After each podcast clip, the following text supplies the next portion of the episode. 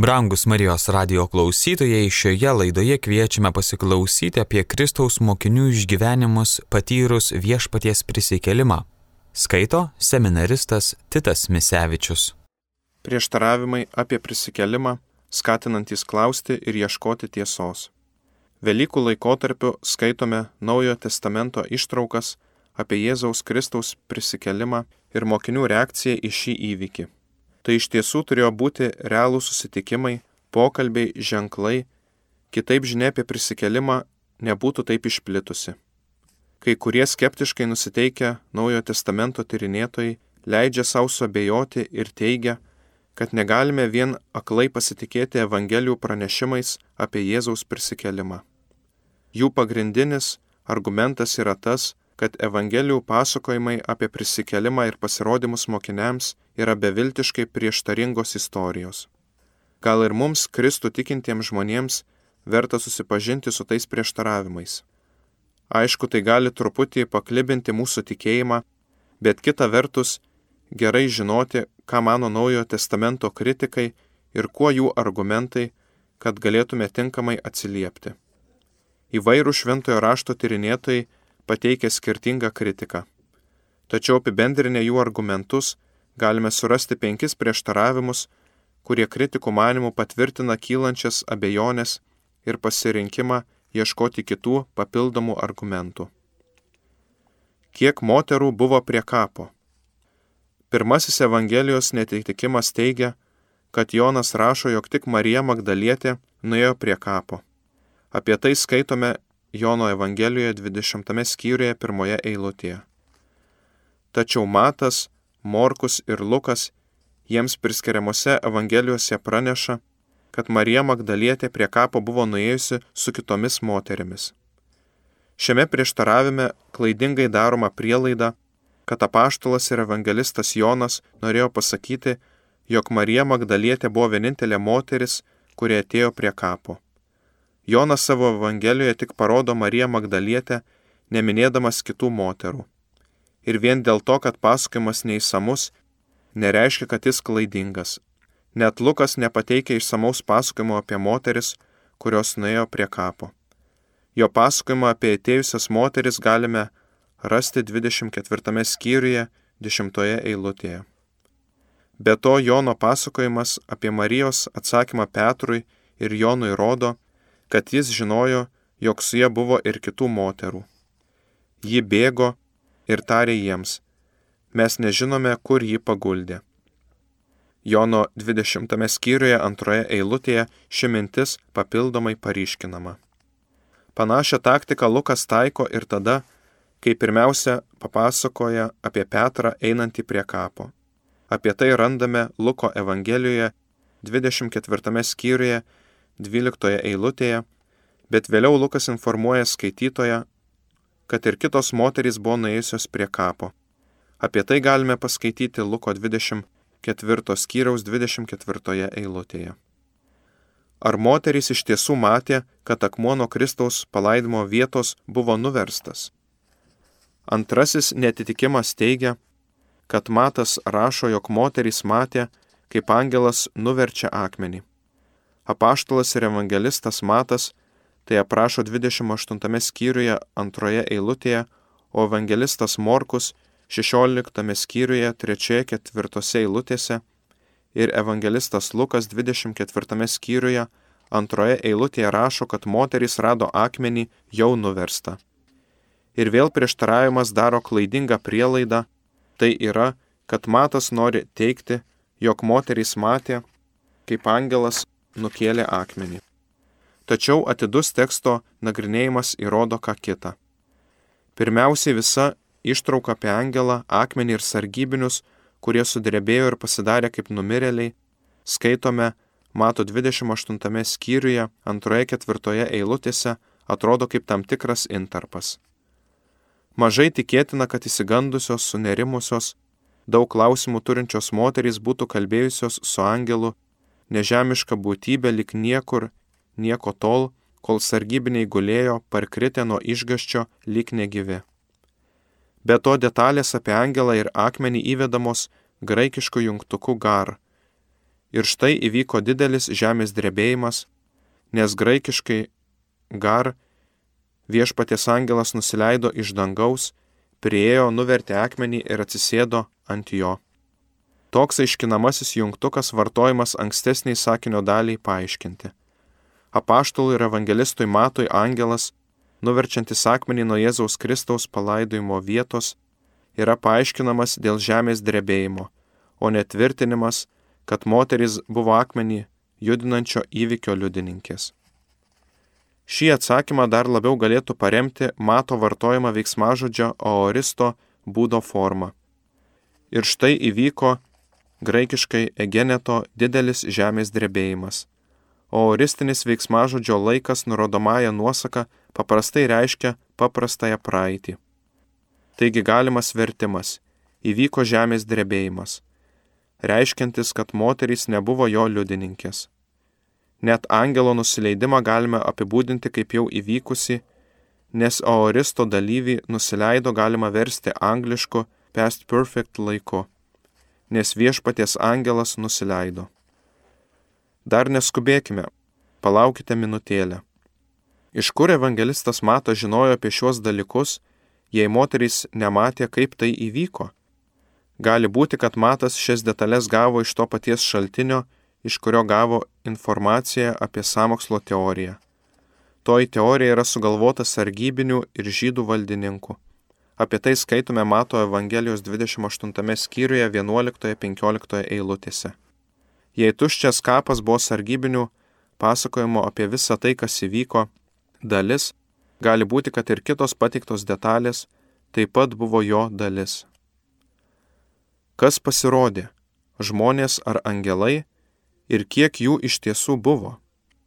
Trečiajame netitikime teigiame, kad evangelistas Morkus 16 skyrius 5-6 eilutė ir Lukas 24 skyrius 4 eilutė rašo, jog prie kapo sėdėjo du vyrai, o paštalas ir evangelistas Matas sako, kad tai buvo angelas.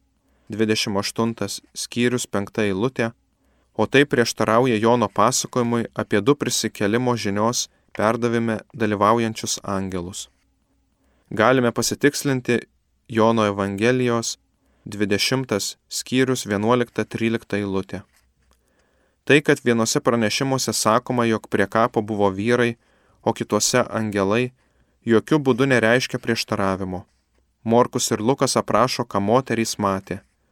Jos regėjo vyrus, o Matas ir Jonas pateikia aiškinimą, galbūt pačių moterų pateiktą paaiškinimą, ką moterys matė.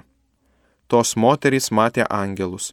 Prisiminkime, kad angelai dažnai pasirodo kaip vyrai, apie tai rašoma ir pradžios knygoje 18 skyriuje, pirmoje antroje eilutėje, taip pat laiškė žydams 13 skyrius antra eilutė. O kalbant apie tai, kiek jų buvo, Matas ir Morkus pateikia tą, kuris kalbėjo su moterimis, o kitą tiesiog praleidžia. Ir kaip minėta, vien dėl to, kad pranešime praleidžiamos tam tikros detalės, nereiškia, kad pranešime tos detalės neigiamos. Ar moterys matė Jėzų Jeruzalėje?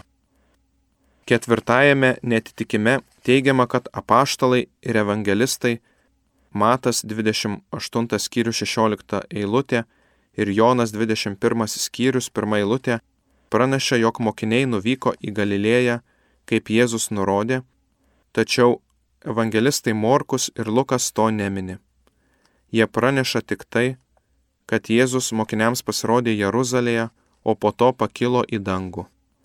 Kad tai būtų prieštaravimas, Lukas ir Morkus turėjo pasakyti kažką panašaus į tai, kad Jėzus nepasirodė arba pasirodė tik apaštalams Galilėjoje. Tačiau nei Lukas, nei Morkus to nesako.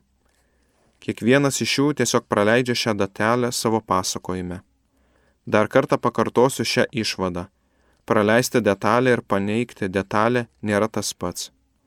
Skeptikas dar gali paprieštarauti, kad tai, kaip Lukas ir Morkus pasakoja apie įvykius, reiškia, jog Jėzaus prisikelimas, apsireiškimai ir įžengimas į dangų įvyko Jeruzalėje Velykų sekmadienį. Kaip galime tai spręsti? Vienas iš sprendimų yra tas, kad Lukas ir Morkus naudojo senovinę literatūrinę laiko suspaudimo priemonę.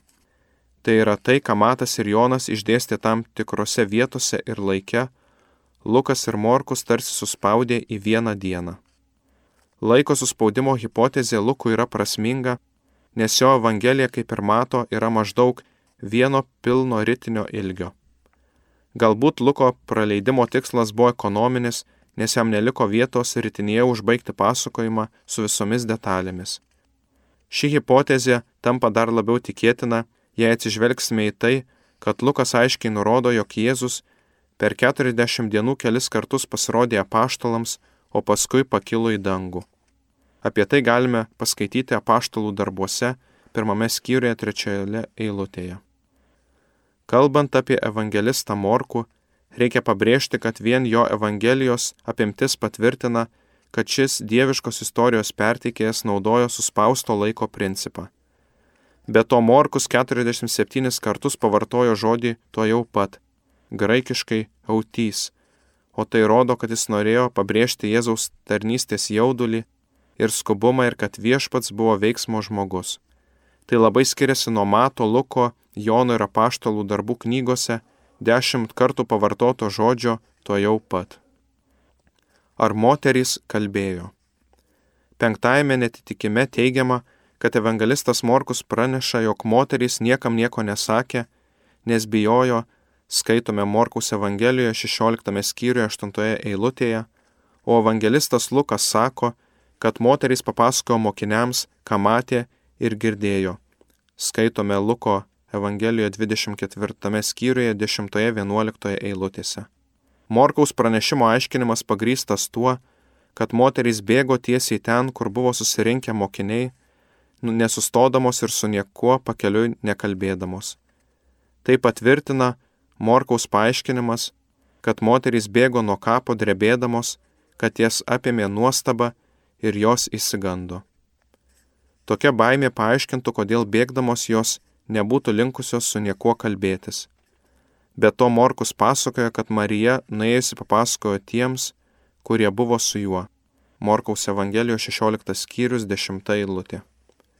Nors minėti atsakymai nepateikia teigiamų įrodymų, kad Evangelijų autoriai patikimai praneša apie Jėzaus prisikelimą, jie rodo, kad negalima pagristai atmesti jų pranešimų dėl to, kad jie yra beviltiškai prieštaringi. Vizijos ar realus žvilgsnis į gyvą asmenį. Krikščionybės kritikai bandydami paaiškinti Jėzaus prisikelimą apeliuoja į labai jau subjektyvius žmonių išgyvenimus. Vieni teigia, kad pomirtiniai Jėzaus pasirodymai buvo neva tai halucinacijos, o kiti teigia, kad pasirodymai buvo tik mirusio Jėzaus vizijos, panašiai kaip kokiame nors filme. Tuščio kapo akivaizdumas rodo, kad prisikėlusiojo pasirodymai nėra vien tik vizijos, sapnai ar halucinacijos. Pavyzdžiui, jei net pritartumai, kad tai buvo vien tik vizijos, tai nepaaiškintų tuščio kapo akivaizdumo. Jėzus buvo populiarus pamokslininkas ir buvo paguldytas į kapą, kuris priklausė Juozapui iš Arimatėjos, žydų vadovų grupės nariui. Dėl to galima daryti pagrystą išvadą, kad Jėzaus kapo vieta būtų buvusi žinoma, todėl būtų buvę lengva įrodyti, kad kapas nebuvo tuščias ir suklastoti teiginį, jog Jėzus prisikėlė iš numirusių. Tačiau žinoma, taip neįvyko. Kapas tuščias, o yra nepaneigiama Jėzaus pasirodymų įvairovė, besireiškinti netomis pačiomis aplinkybėmis. Be to, subjektyvūs paaiškinimai gali būti tinkami vienam Jėzaus pasirodymui paaiškinti, tačiau jie nepaaiškina Jėzaus pasirodymų įvairovės. Daugybės pasirodymų skirtingiems žmonėms įvairiomis progomis. Pavyzdžiui, žinome, kad Jėzus pasirodė Marijai Magdalietiai, Morkaus Evangelijos 16 skyrius 9 eilutė, moterims prie kapo, Luko Evangelijos 24 skyrius 10 eilutė, Petrui, pirmas laiškas korintiečiams, 15 skyrius 5 eilutė, ir Jokūbui. Jis pasirodė dvylikai ir tai darė daugybę kartų.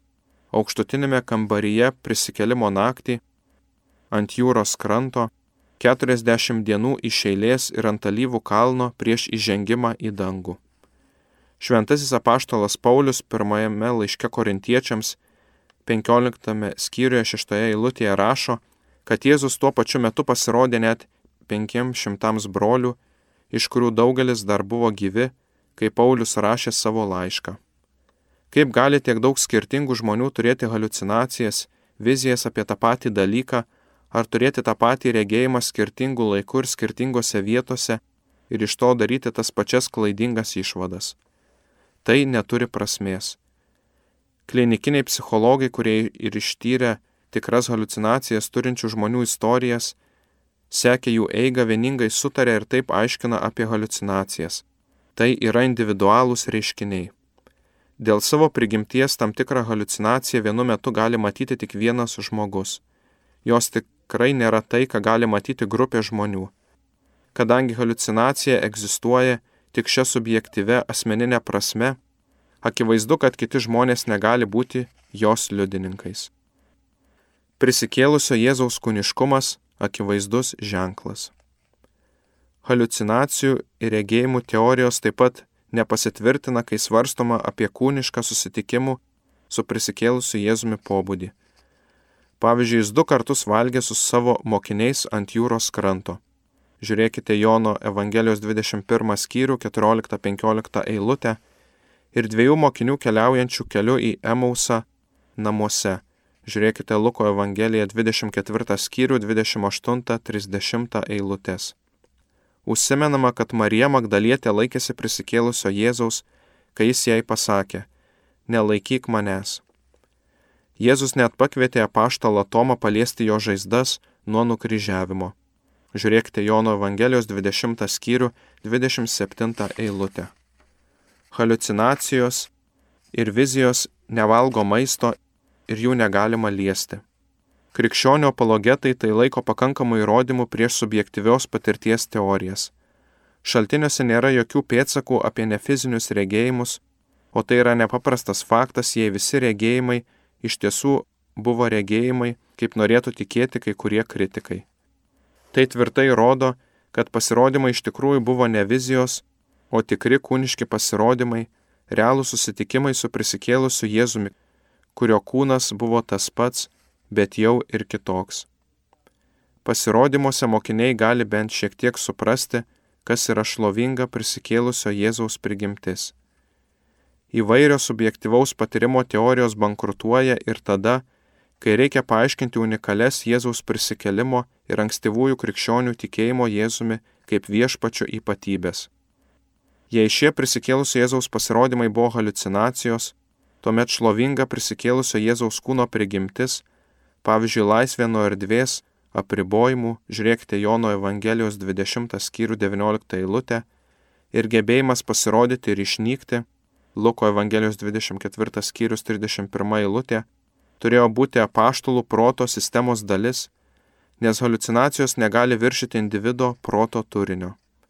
Tačiau tokia pašlovinta būsena mokinių protui būtų buvusi svetima, todėl jie nebūtų galėję jos projektuoti į tikrovę.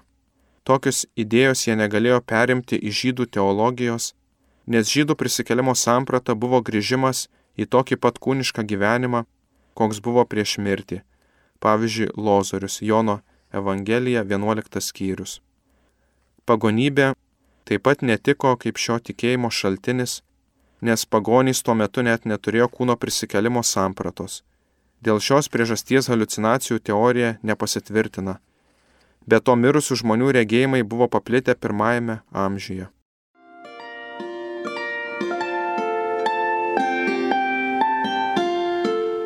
Jūs girdite Marijos radiją.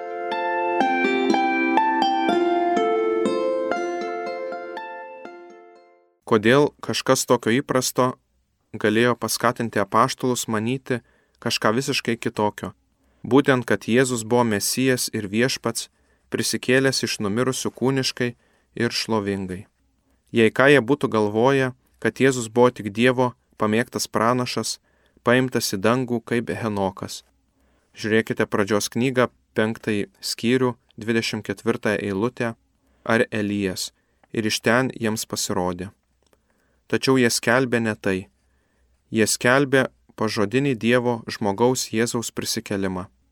Jie prisiminė, ką Jėzus apie tai yra kalbėjęs, kai buvo su jais, prisiminė, kad jis įveikė kančią nuodėmę ar mirti konkrečių žmonių gyvenimo istorijose. Galime tik užjausti skeptikus ieškančius alternatyvių būdų apaštalų liudijimui apie Jėzaus regėjimą po jo mirties paaiškinti. Sveikas skepticizmas reikalingas, kai susidurime su nepaprastais teiginiais. Tačiau kai paaiškėja, kad alternatyvios teorijos nepadeda paaiškinti faktų, galime pagristai jas atmesti. Todėl bandydami paaiškinti apaštalų teiginį, kad jie matė prisikėlusi Jėzų, galime atmesti halucinacijų ir vizijų teorijas. Paliesti prisikėlusi apaštalams suteikta malonė. Kai kurie galite paklausti, kodėl prisikėlęs iš numirusių viešpats Jėzus Kristus pirmiausiai pasirodė būtent Marijai Magdalietiai, pirmai jo prisikelimo liudytojai ir pasakė, neliesk manęs, kaip skaitome Jono Evangelijos 20 skyriuje 17 eilutėje. Toks Marijos Magdalietės gestas paliesti tikriausiai ištiesus ranką tarsi išreiškia visų mokinių, net ir tų, kurie kitų nevertinami, atstumti didžiulį troškimą būti su Dievu.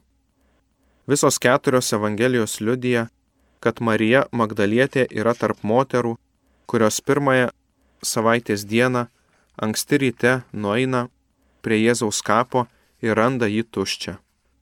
Tačiau visa istorija apie mūsų viešpaties Jėzaus Kristaus pasirodymą pačiai Marijai Magdalietiai papasakota tik Jono Evangelijos 20 skyriuje. Marija Magdalietė matyt atsiskiria nuo kitų moterų ir nuskuba pranešti Simonui Petrui stulbinančią naujieną. Petras ir Jonas nubėga prie kapo ir taip pat randa jį tuščią. Jonas, pasakodamas apie šį įvykį, sako, kad įtikėjo, kai pamatė tuščiame kape ant grindų gulinčius Jėzaus palaidojimo audeklus. Nes miręs Jėzus buvo suviniotas į drobulės pagal žydų mirusiųjų laidojimo tradicijas. Prisiminkime apaštalo ir evangelisto Jono pasakojimą. Petras ir Jonas nuėjo, o Marija liko prie kapo, žvilgtelį į kapo vidų pamatė dviejų angelų viziją ir verkdama klausė, kur buvo paimtas viešpats. Paskui jie atsisuko ir staiga pamatė, kad ten stovi pats Jėzus, bet ji iš karto jį atpažino. Šis savo mokytojo net pažinimas pašlovintame kūne yra tipiškas pirmasis mokinių susidūrusių su Jėzumi įspūdis. Tai atsitinka kelyje į Emausą, kaip pasakojo Lukas 24 skyriuje 13.35 eilutės. Taip atsitiko paštulų grupiai ant Galilėjos jūros kranto Jono Evangelijos 21 skyrius 1-23 eilutės. Marija Magdalietė atpažįsta Jėzų tik tada, kai jis ištarė jos vardą - Marija. Asmeniškas santykis padeda prisiminti ir atpažinti. Jėzus gerai žino, ko reikia, kad mokinys jį priimtų. Jėzus prisitaiko ir tinkamu metu prieartėja prie kiekvieno mokinio. Moterį pašaukė vardu ir to pakako. Moteris atsako, rabūni mokytojau, Tai reiškia, kad tai, ko viešpats mokėjai nepamiršo, jį išliko net po nukryžiavimo uole ir ištikima mokinė. Kur mokytojas ten eina ir jo mokiniai. Tuomet Jėzus liepė jai jo neliesti, kaip priežastį nurodydamas tai, kad jis dar neįžengė pas tėvą. Jėzus priklauso ne tik savo mokiniams, jo niekas negali savintis net ir tie, kurie jį gerai pažįsta, seka jo žodžiu. Ši sena prikaustė menininkų vaizduotę ir nelėtimo tema buvo svarbi daugelie atvaizdų. Be abejo, taip atsitiko todėl, kad aptariama šventojo rašto ištrauka jiems buvo žinoma lotiniškoje vulgatos versijoje. Noli metangere arba neliesk manęs. Pavyzdžiui, garsieji Fra Angeliko, Boticeli ir Ticiano paveikslai, kuriuose vaizduojama ši akimirka, visi turi tą patį pavadinimą - Noli mitangere. Iš Evangelijos teksto aišku, kad Jėzus iš tiesų nenorėjo, kad Marija jį paliestų, nors ji to labai troško. Priešingai apaštalui sakė Tomui. Moters tikėjimas pakankamas, nereikia fizinio palėtimo įrodymo kitų ženklų. Naujojo testamento graikų kalbos originalas čia perteikia veikiau prasme - nelaikyk manęs arba neliesk manęs, ką Marija Magdalietė, apimta impulsyvumo ir didžiulio džiaugsmo, kad atpažino Jėzų gyvą, regis po nepataisomos didžiojo penktadienio netekties, akivaizdžiai bandė padaryti. Iš Mato 28 skyriaus 9 eilutės žinome, kad moterys apkabina prisikėlusio Jėzaus kojas, kai pirmą kartą jį pamato. Tačiau kodėl Jėzus nenori, kad Marija Magdalietė jį liestų ar prie jo prisiglaustų? Dešimt eilučių toliau, tame pačiame Jono Evangelijos skyriuje Jėzus liepia abejojančiam Tomui jį paliesti.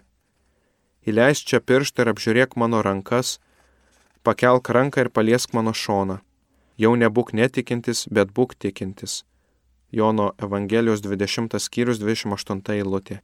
Jėzus nori įrodyti Tomui, kad jo pašlovintas kūnas yra tikras, kad jis nėra vaiduoklis ar apsireiškimas, bet kad iš tiesų viešpats prisikėlė iš numirusių. Taigi atsakydami į klausimą, kodėl prisikėlęs viešpats Jėzus Kristus nenori, kad Marija Magdalietė jį paliestų, skirtingai nei Tomas, ji jau tiki, kad jis yra Jėzus Mesijas, gyvas ir tęsantis savo misiją. Svarbu iš tolesnių Jėzaus žodžių suprasti, kad yra dar vienas motyvas Jėzui nepasilikti regimų kūniškų pavydalų su savo mokiniais ir sekėjais. Mums svarbu suvokti, kad prisikelimu iš numirusių išganytojo viešpaties Jėzaus Kristaus žmonių gebėjimo darbas nėra baigtas. Štai kodėl jis jai sako, kad dar neįžengė pas tėvą kaip Marija Magdalietė kartu su kitais mokiniais be abejo gerai žinojo, Jėzus prieš nukryžiavimą pažadėjo. Dar truputį ir jūs manęs nebematysite, dar truputį ir vėl mane pamatysite.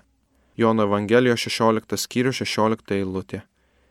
Ir iš tiesų, mokiniai jo daugiau nebematė, kai jo nukryžiuotasis kūnas buvo paguldytas į kapą. Bet dabar dar truputį, laikas jau praėjo ir Marija Magdalietė jį mato Iš džiaugsmo ji be abejo iš ilgesio ir ištikimybės skuba būti arti prie viešpaties, bet Jėzus iš tiesų jai sako, ne, dar ne, aš dar negrįžau tarp jūsų visam laikui. Mano gelbėjimo darbas iš tikrųjų nebus baigtas, kol kaip pažadėjau nesiųsiu jums šventosios dvasios, kad ji visada būtų su jumis, kol ir vėl sugrįšiu.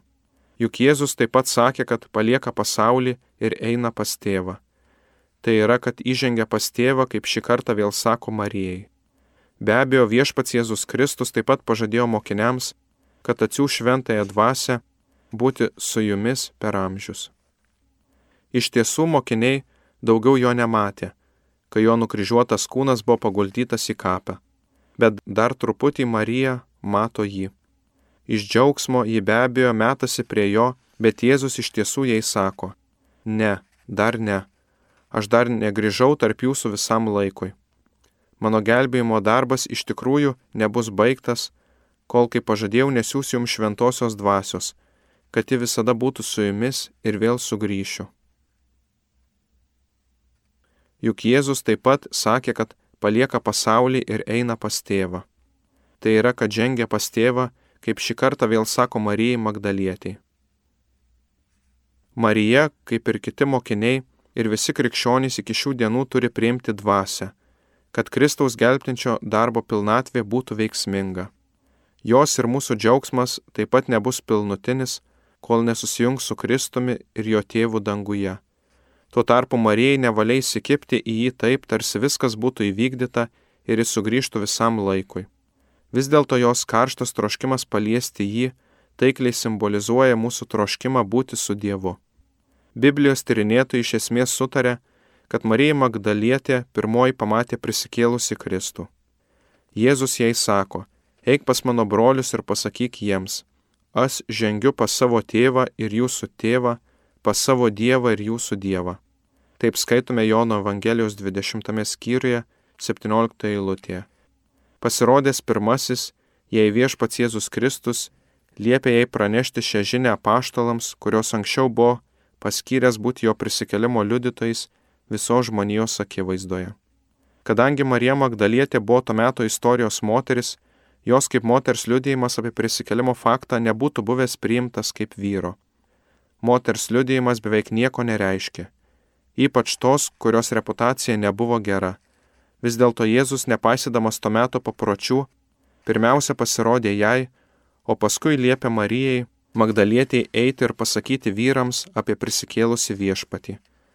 Marija Magdalietė savo žinia ir visa istorija primena, kad galingiausia priemonė skelbti gerą naujieną yra nesukauptos žinios, bet patirtis. Evangelisto Luko komentariai yra išlikęs liudijimas, kad mokiniai moterų pasakojimą apie Kristaus prisikelimo laikė tuščiomis šnekomis tam tikra nesąmonė. Tai išreiškia tam tikrą vyrų nuomonės tariamo žodžio svarumą. Tačiau net ir jų išvados paneigiamos, nes moterys laikosi savo patyrimo autentiškumo. Kai kurie tyrinėtojai šį faktą nurodo kaip vieną stipriausių įrodymų, kad prisikelimas iš tikrųjų įvyko. Jei istorija būtų buvusi išgalvota, niekas nebūtų paskelbęs moters pirmąją svarbiausio krikščionybės stebuklo liudytoje. Viešpats pasirinko silpniausius atstumtuosius, kad sugėdintų galiūnus ir išminčius, kaip prašė paštalas Paulius. Jei būsime atidus Evangelijų skaitytojai, atrasime, kad moterys buvo kiekviename Jėzaus Kristaus tarnystės etape nuo pat jo žemiško gyvenimo pradžios. Apreiškime dalyvauja Marija, neklausė vyro sutikimo ar leidimo priimti Dievo kvietimo pagimdyti sūnų. Marija švelniai paragina Jėzų Kristų padaryti pirmąjį stebuklą Kanos vestuvėse. Per viešojo tarnystę daugelis Jėzaus stebuklų atliekami išgydyti moteris ir tuos, dėl kurių maldauja moterys. Kraujoplūdžių serganti moteris pagydoma, prikeliamas Naino našlės sunus, išgydoma moteris, kuri visai negali atsitiesti išgydomas ir ofenikietės duktė, kaimo motina atkakliai to prašė, tarsi mestų Jėzui iššūkį. Net ir šunyčiai ėda vaikų trupinius. Marija ir Morta yra Jėzaus bičiulės daug kartų draugiškai bendravę, nes jos buvo laisvos, mokytoja net ir pabarti ar papriekaištauti. Viešpatie, jei būtum čia buvęs, mano brolis nebūtų miręs. Prieš kančią ir mirtį būtent moterys patepa Jėzų brangiais aliejais, o pakeliui nukryžiavimo vietą Jėzus kalba būtent Jeruzalės moterims. Jo motina Marija visada yra šalia net nukryžiavimo momentu. Pasirodydamas po prisikelimo būtent Marijai Magdalietiai, jau turėtų nieko nestebinti prisimenant Jėzaus dėmesį toms, kurios nevertintos. Akmuo, kuris buvo atmestas, tapo kertiniu. Tai tiko Kristui gali tikti ir kiekvienam, kuris žmonių nuvertintas, bet Dievo pastebėtas, pakeltas gyvenimui. Marijos Magdalietės išgirsta ir visiems išplatinta viešpaties Jėzaus prisikelimo iš numirusių žinia pranoksta bet kokią naujieną, tačiau yra tikra ir skirta mums visiems sustiprinti, kad su viltimi ir atsakomybė už savo pasirinkimus lauktume kiekvieno iš mūsų prisikelimo dienos, kuri nustebins visą žmoniją. Mes skelbime, kaip parašyta ko akis neregėjo, ko ausis negirdėjo, ką žmogui minti neatėjo, tai paruošė Dievas tiems, kurie jį myli. Skaitome mūsų viltis ir drąsiausius lūkesčius pranokstančius žodžius pirmame laiške korintiečiams. Apie Kristaus mokinių išgyvenimus patyrus viešpaties prisikelimą skaitė seminaristas Titas Misevičius. Likite su Marijos radiju.